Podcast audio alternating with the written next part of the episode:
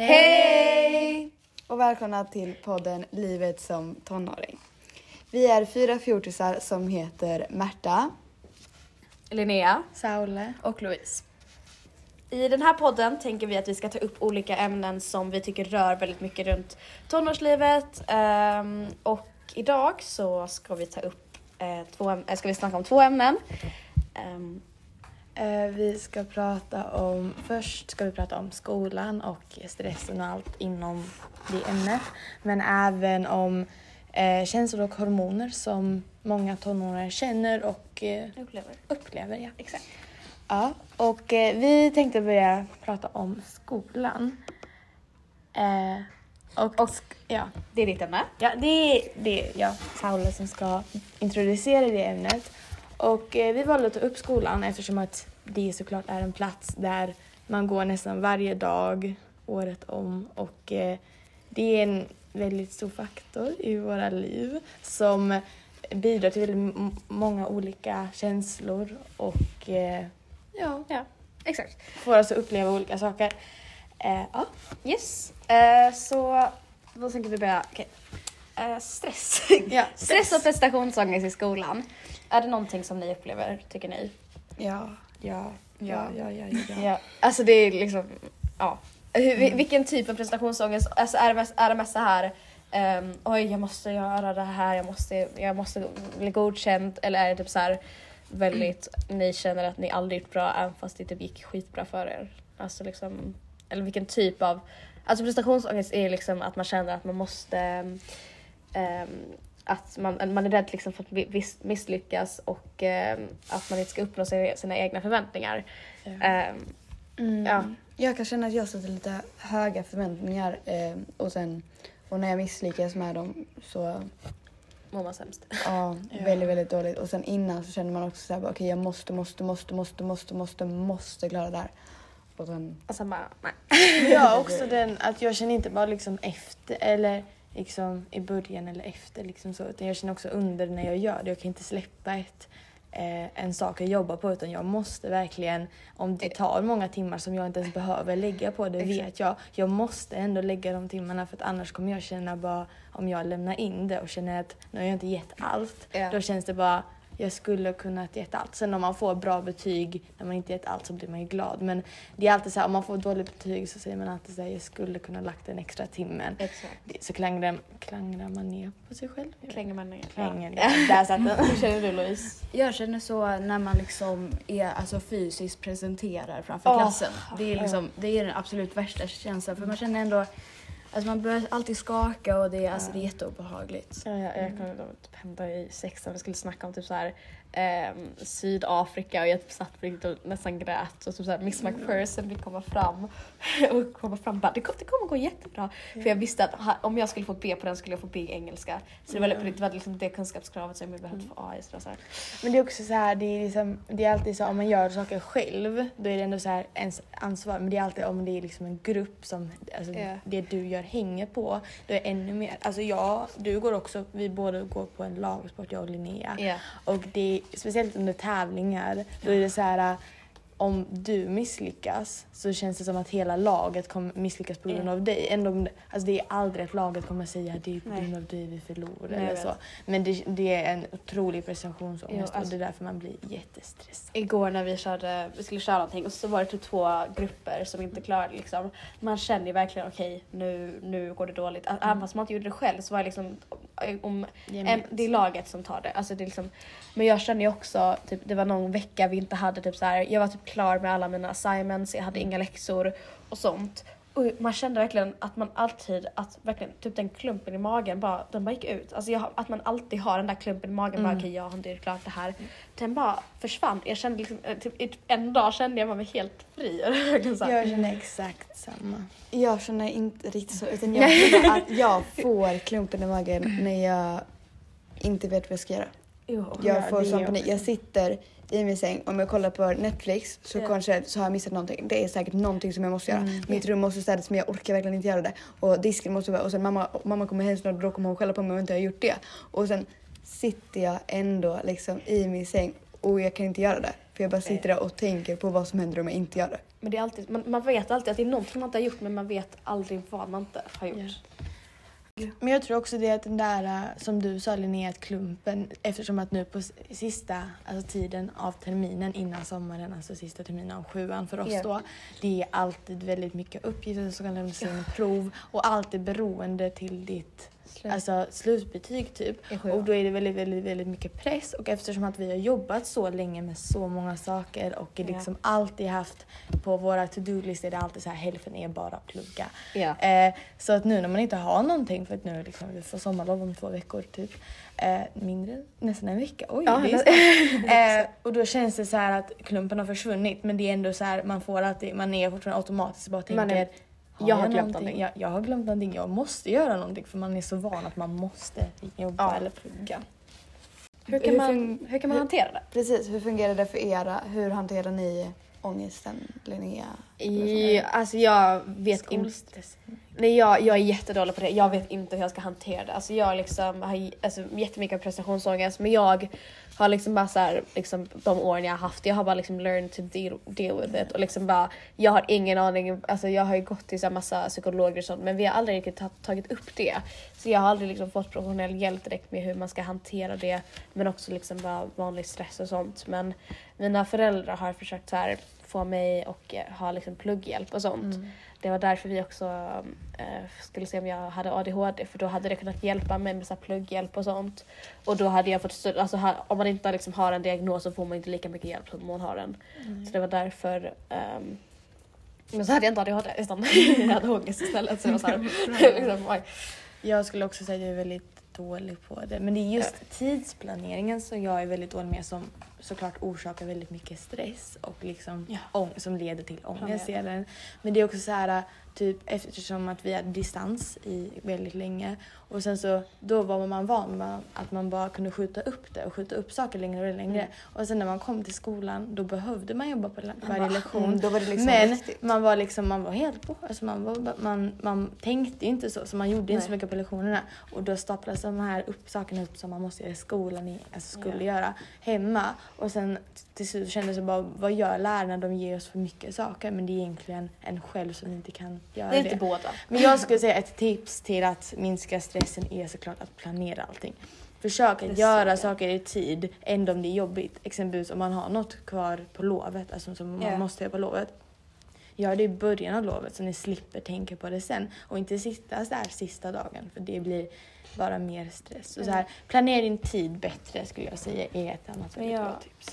Eh, alltså, när, när jag snackar om prestationsångest då tänker jag absolut mest på när man presenterar, alltså fysiskt Jaha, ja. presenterar. Jag tänker inte riktigt Du på har det inte där så med- mycket annat. Nej, Nej. jag tänker verkligen bara på prestationer.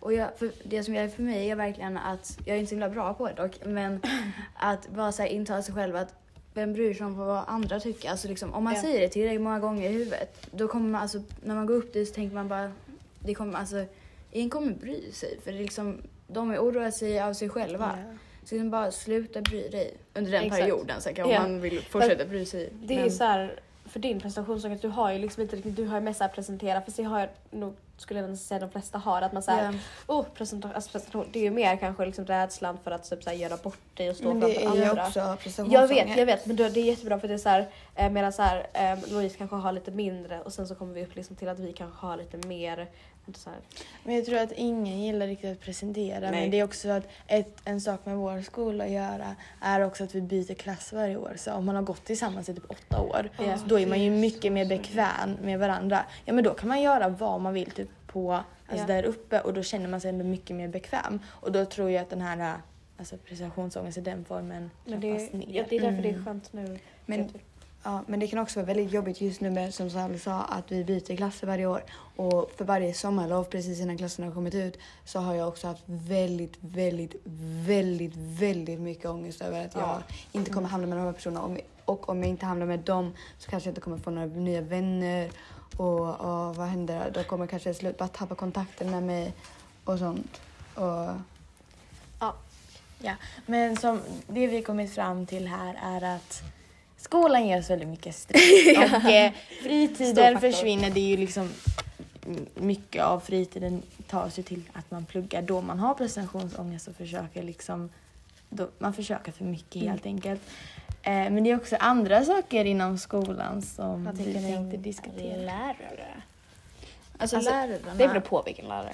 Ja men lärarna, alltså de, jag tror ändå att de så här, de kanske inte gör det men de sätter ju väldigt mycket krav och det är ju det som leder till prestationsångest lite ibland. Att man Exakt. försöker liksom, man vill ju att de ska tycka om en för då tror man att så Mm. Det beror på, alltså så här, till exempel jag hade en lärare, jag var jätteclose liksom, med henne och hon liksom, så där gick det ju bra då vi hade en jättebra relation men sen finns det vissa lärare så här, som bara, jag har ju några, några lärare som jag är så här rädda för för det är så här bara, mm, ja.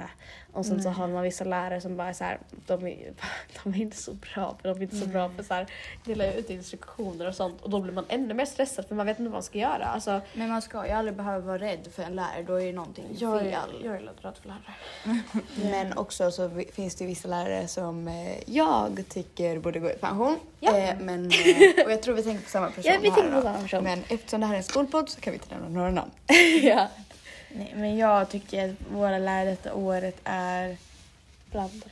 Jag tycker att många säger att vi ska ta så här åtanke att det var svårt så, så men ändå att de säger det men de ändå inte gör det. Utan så här, Man sitter ändå där, typ, exempelvis betyget, de bara nej vi räknar inte med ett sista eller sämsta prov. Ja men om man får A i allting och typ E i ett prov Ja. och då ska ni väl räkna bort det och få A? Nej då får man D och man bara bra att ni Ja, räknar bort det. Alltså, det känns som de liksom har börjat, typ så här, inte ljuga för oss men det känns som de är väldigt oklara och väldigt Otydliga. och ja, jag vet inte. Vi hoppas att de kanske blir bättre nästa år om vi inte har distans. För man förstår ju att det var ju tufft de också Exakt. med distans. Jag kände en tjej, hon hade, typ hon hade fått A på alla sina matteprov och sen i, i ett prov så fick hon E och det gjorde så att hon fick typ så här DC. Alltså så här, det gick ner, hennes betyg gick ner jättemycket och det är så här, alltså ja, man blir. Mm. Ska vi gå vidare? Ja. Det sista vi tänkte prata om i skolan, alltså ämnen som rör skolan, är dresscode. Vad tycker ni om det? Mm. På vår skola i ES eh, så I har Lund. vi i Lund, är, alla i ES har eh, Ja, dresscode. Eh, så får man inte visa underkläder. Eh, och underkläder innebär då också bh och bh-band. Men eftersom det är bara tjejer som använder, eller de flesta som använder bh är, bara, eh, är tjejer. Och då, då är det, blir det så här att de som utsätts för att bli, säga till, bli tillsagda för att Ja. de visar sina bh-band är tjejer. Och det går inte lika mycket ut på killarna eller de som inte använder bh.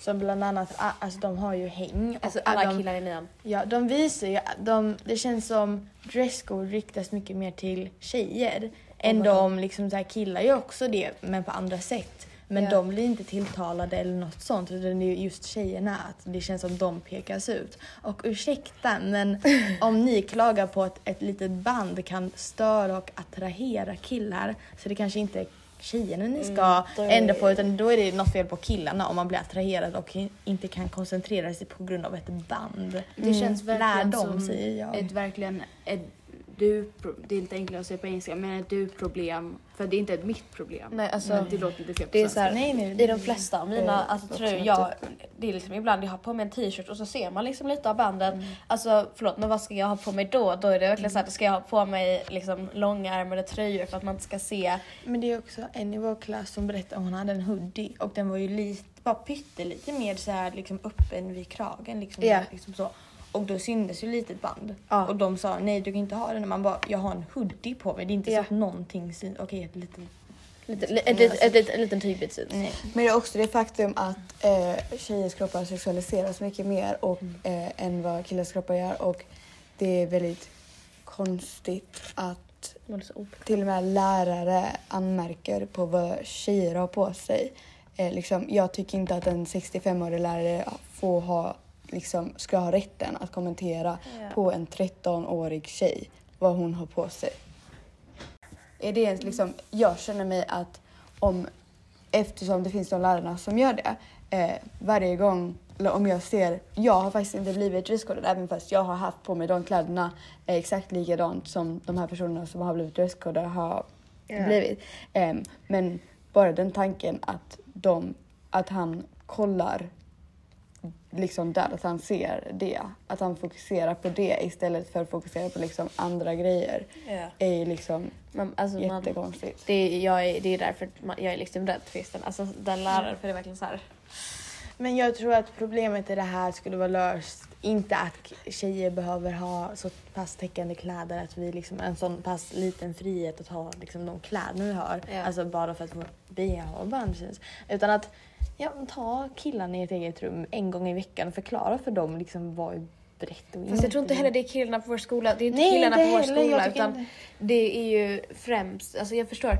Det är så här man ska klä sig som att man klär sig till liksom ett jobb. Ja. Och då är det så här. ehm, Ja, eh, ja, eh, alltså det är inte, det är inte killarnas problem. eh, Alltså nej, nej, problem. alltså förstår. Exakt, det, för att det är man- det ju lärarna tror. ja, jag- alltså det är verkligen, för de säger att man ska klä sig som man klär sig till liksom ett jobb. Jag tycker det är konstigt. Alltså så här, jag, jag, förstår liksom, man 13 ska inte komma i, man ska inte komma i badkläder men det är liksom så här, jag, då kan vi lika gärna säga till. För alltså, när tjejerna visar sina bh-band då är det oftast faktiskt att man typ har på sig kanske något som är typ så här, man har på sig typ ett linne och så ser man det men alltså Eh, och, exakt. så, och, eh, och så går killarna runt med typ häng så man, när man ser halva rumpan. Eh, och de säger liksom inte till och det blir man så här okej men Och det är inte direkt som att vi kollar på deras rumpa, alltså det är inte det vi märker, det är, det är så himla tydligt. Alltså Ja. det är inte... det är 2010 igen.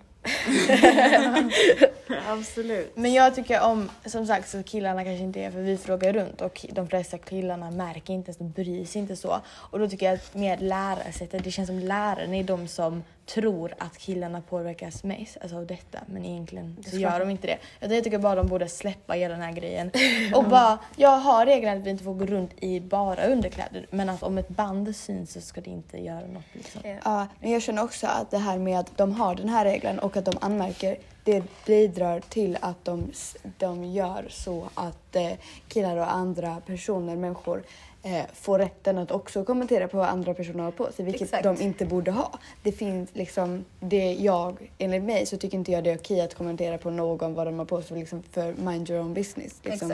Det är inte ditt problem. Eh, den satte på sig det av en anledning och den vill jag ha det. Så ja.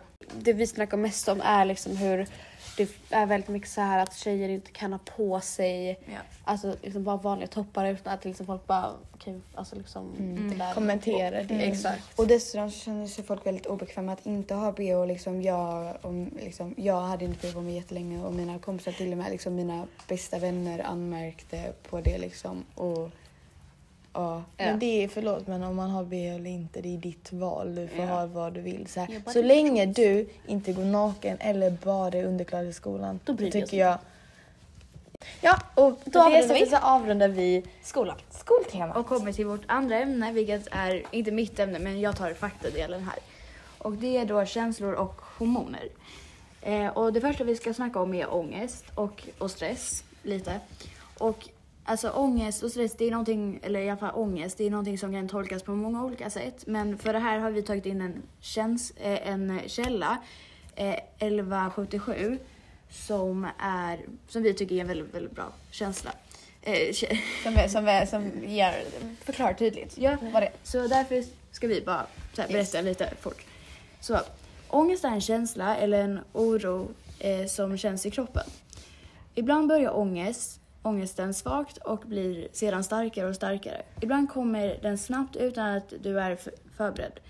Eh, reaktion, reaktionen kan ibland kännas så stark att du tror att du ska svimma, tappa kontrollen eller till och med dö.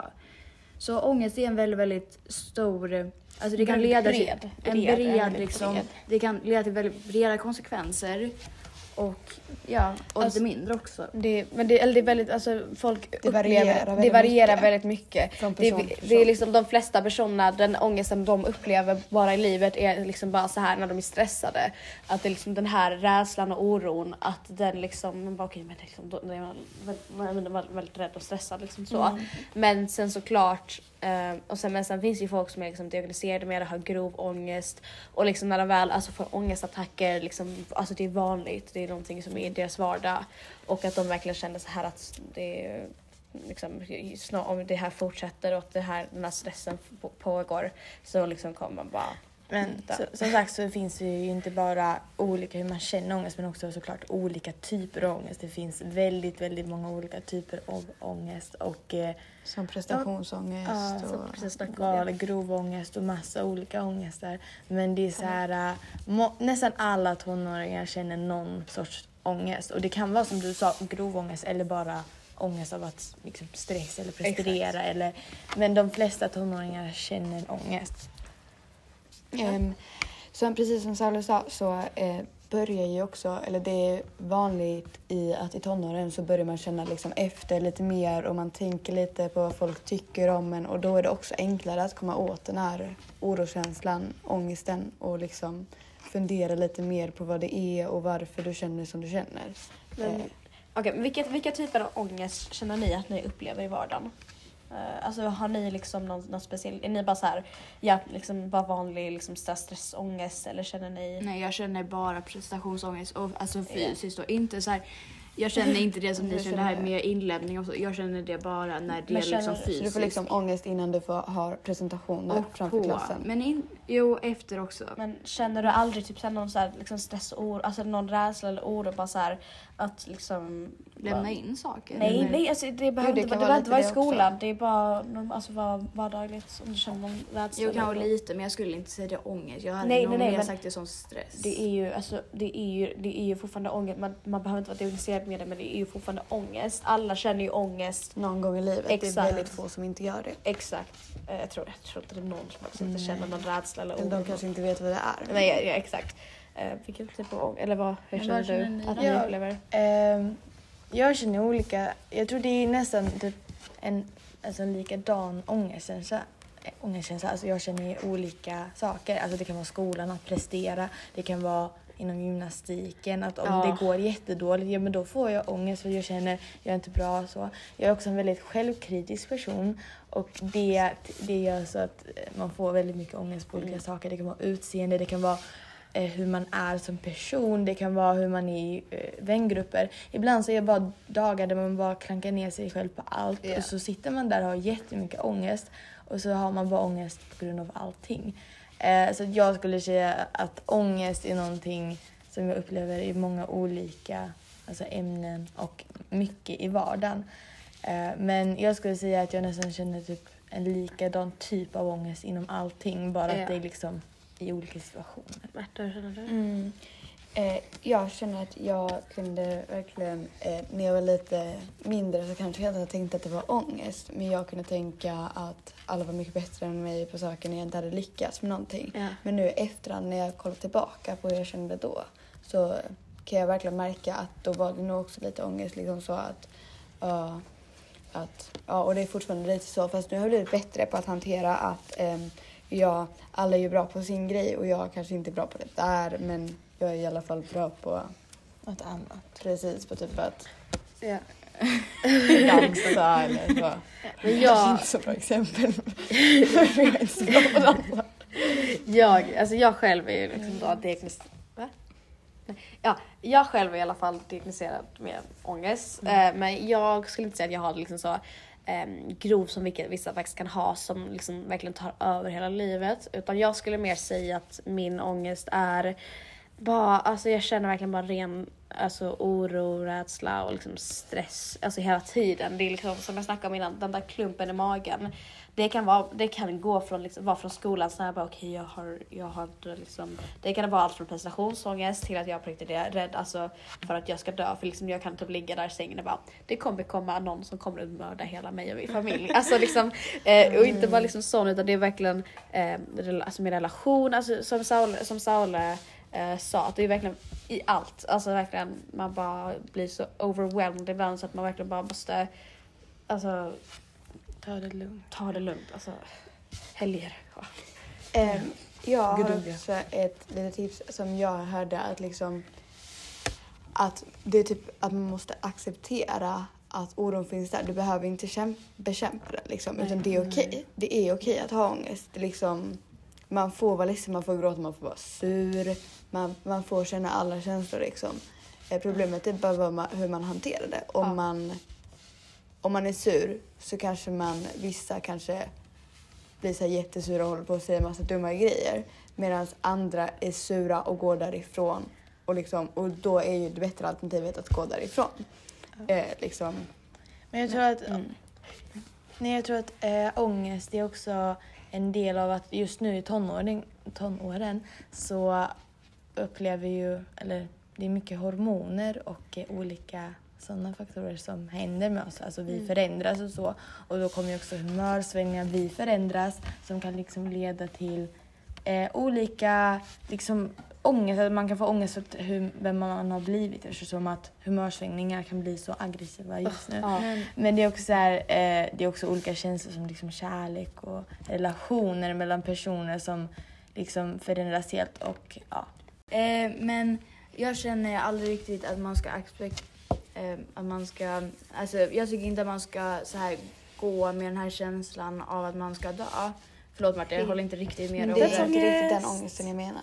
Ja men alltså om vi snackar om ångest generellt, alltså jag snackar om, lite, nu snackar jag om grov ångest. Dödsångest. Ja, man ska aldrig känna att man ska dö när man är ute och går. Det ska man inte. Men också nu i tonåren, eh, så när jag håller med dig Louise, sån ångest, när det är väldigt grov sån så finns det ju hjälp som man kan söka som till exempel psykiatri och BUP finns ett jättebra ställe. Eh, min Första, pappa jobbar där. linjen. Precis, första linjen och sånt. Och 1177 finns jättemycket som du kan söka på och BRIS är också jättebra ställe.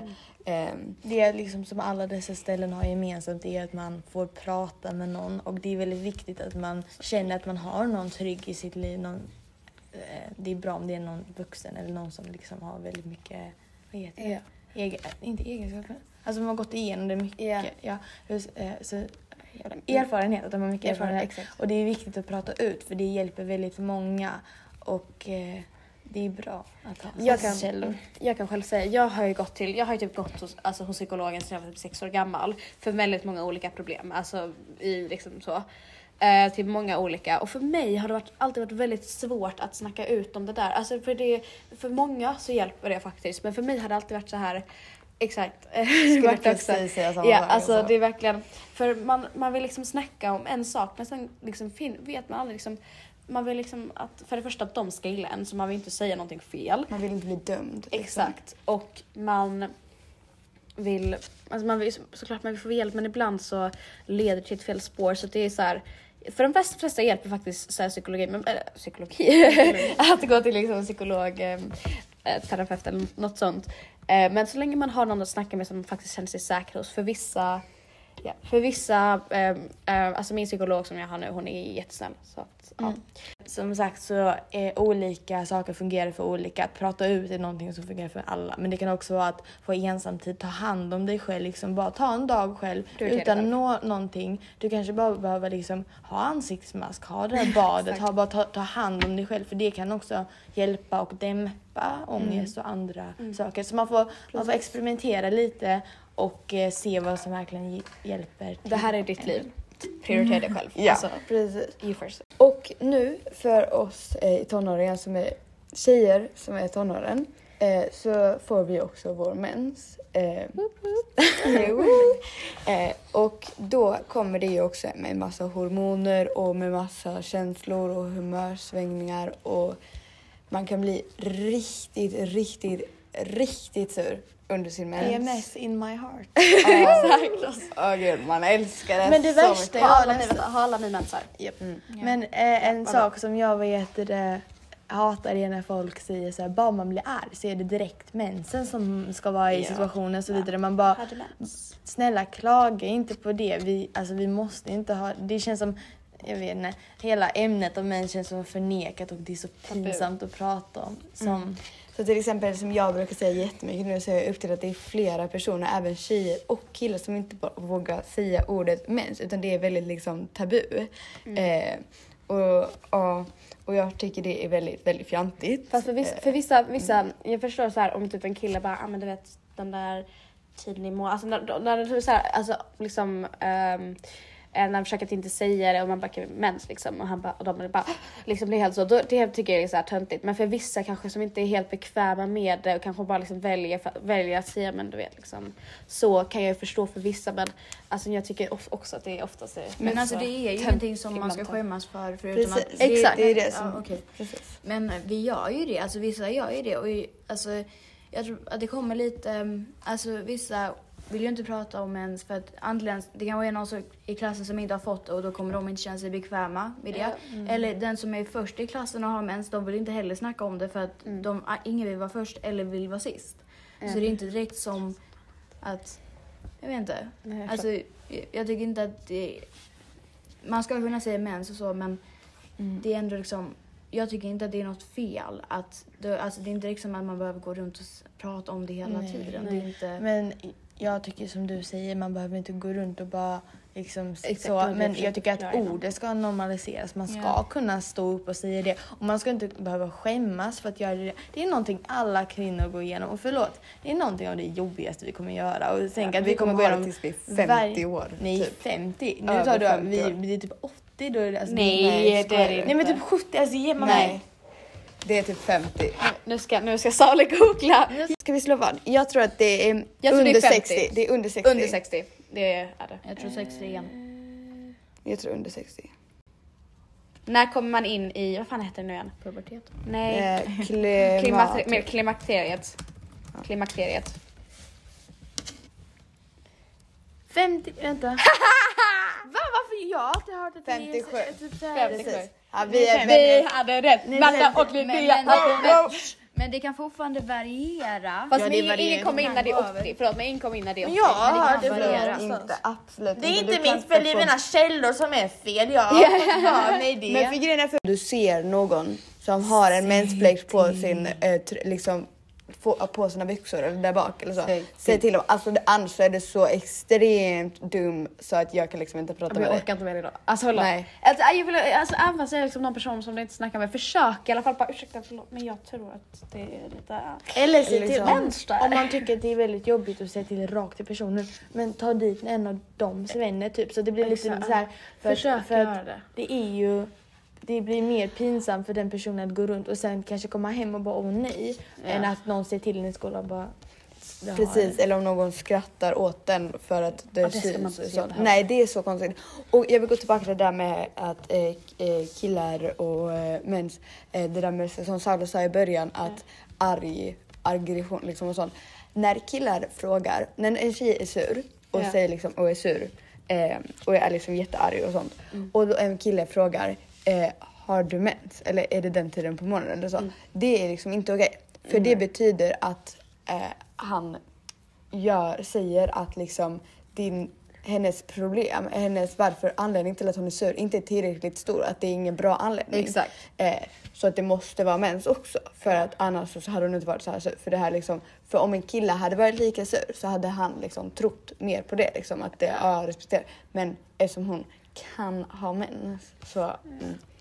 Som sagt så tycker vi att eh, mens är någon, ett ord som ingen ska skämmas för. Man ska se till andra tjejer om de har det tycker vi eftersom Ja. att det, det är en del av eh, Det är en girls del av att community, bli en ja. kvinna. Ja, och sen är det också att vad heter det, killar sluta använda det som en ursäkt till varför vi är arga. Och en annan sak, det är helt naturligt, inget att skämmas. Så, då avrundar vi väl det här avsnittet av ehm, Livet som tonåring. Första avsnittet. yes. Avsnitt nummer två. Here we come. Here we come. Hoppas snart. det är jättebra med er och vi hörs igen snart. Hej då! Hej då!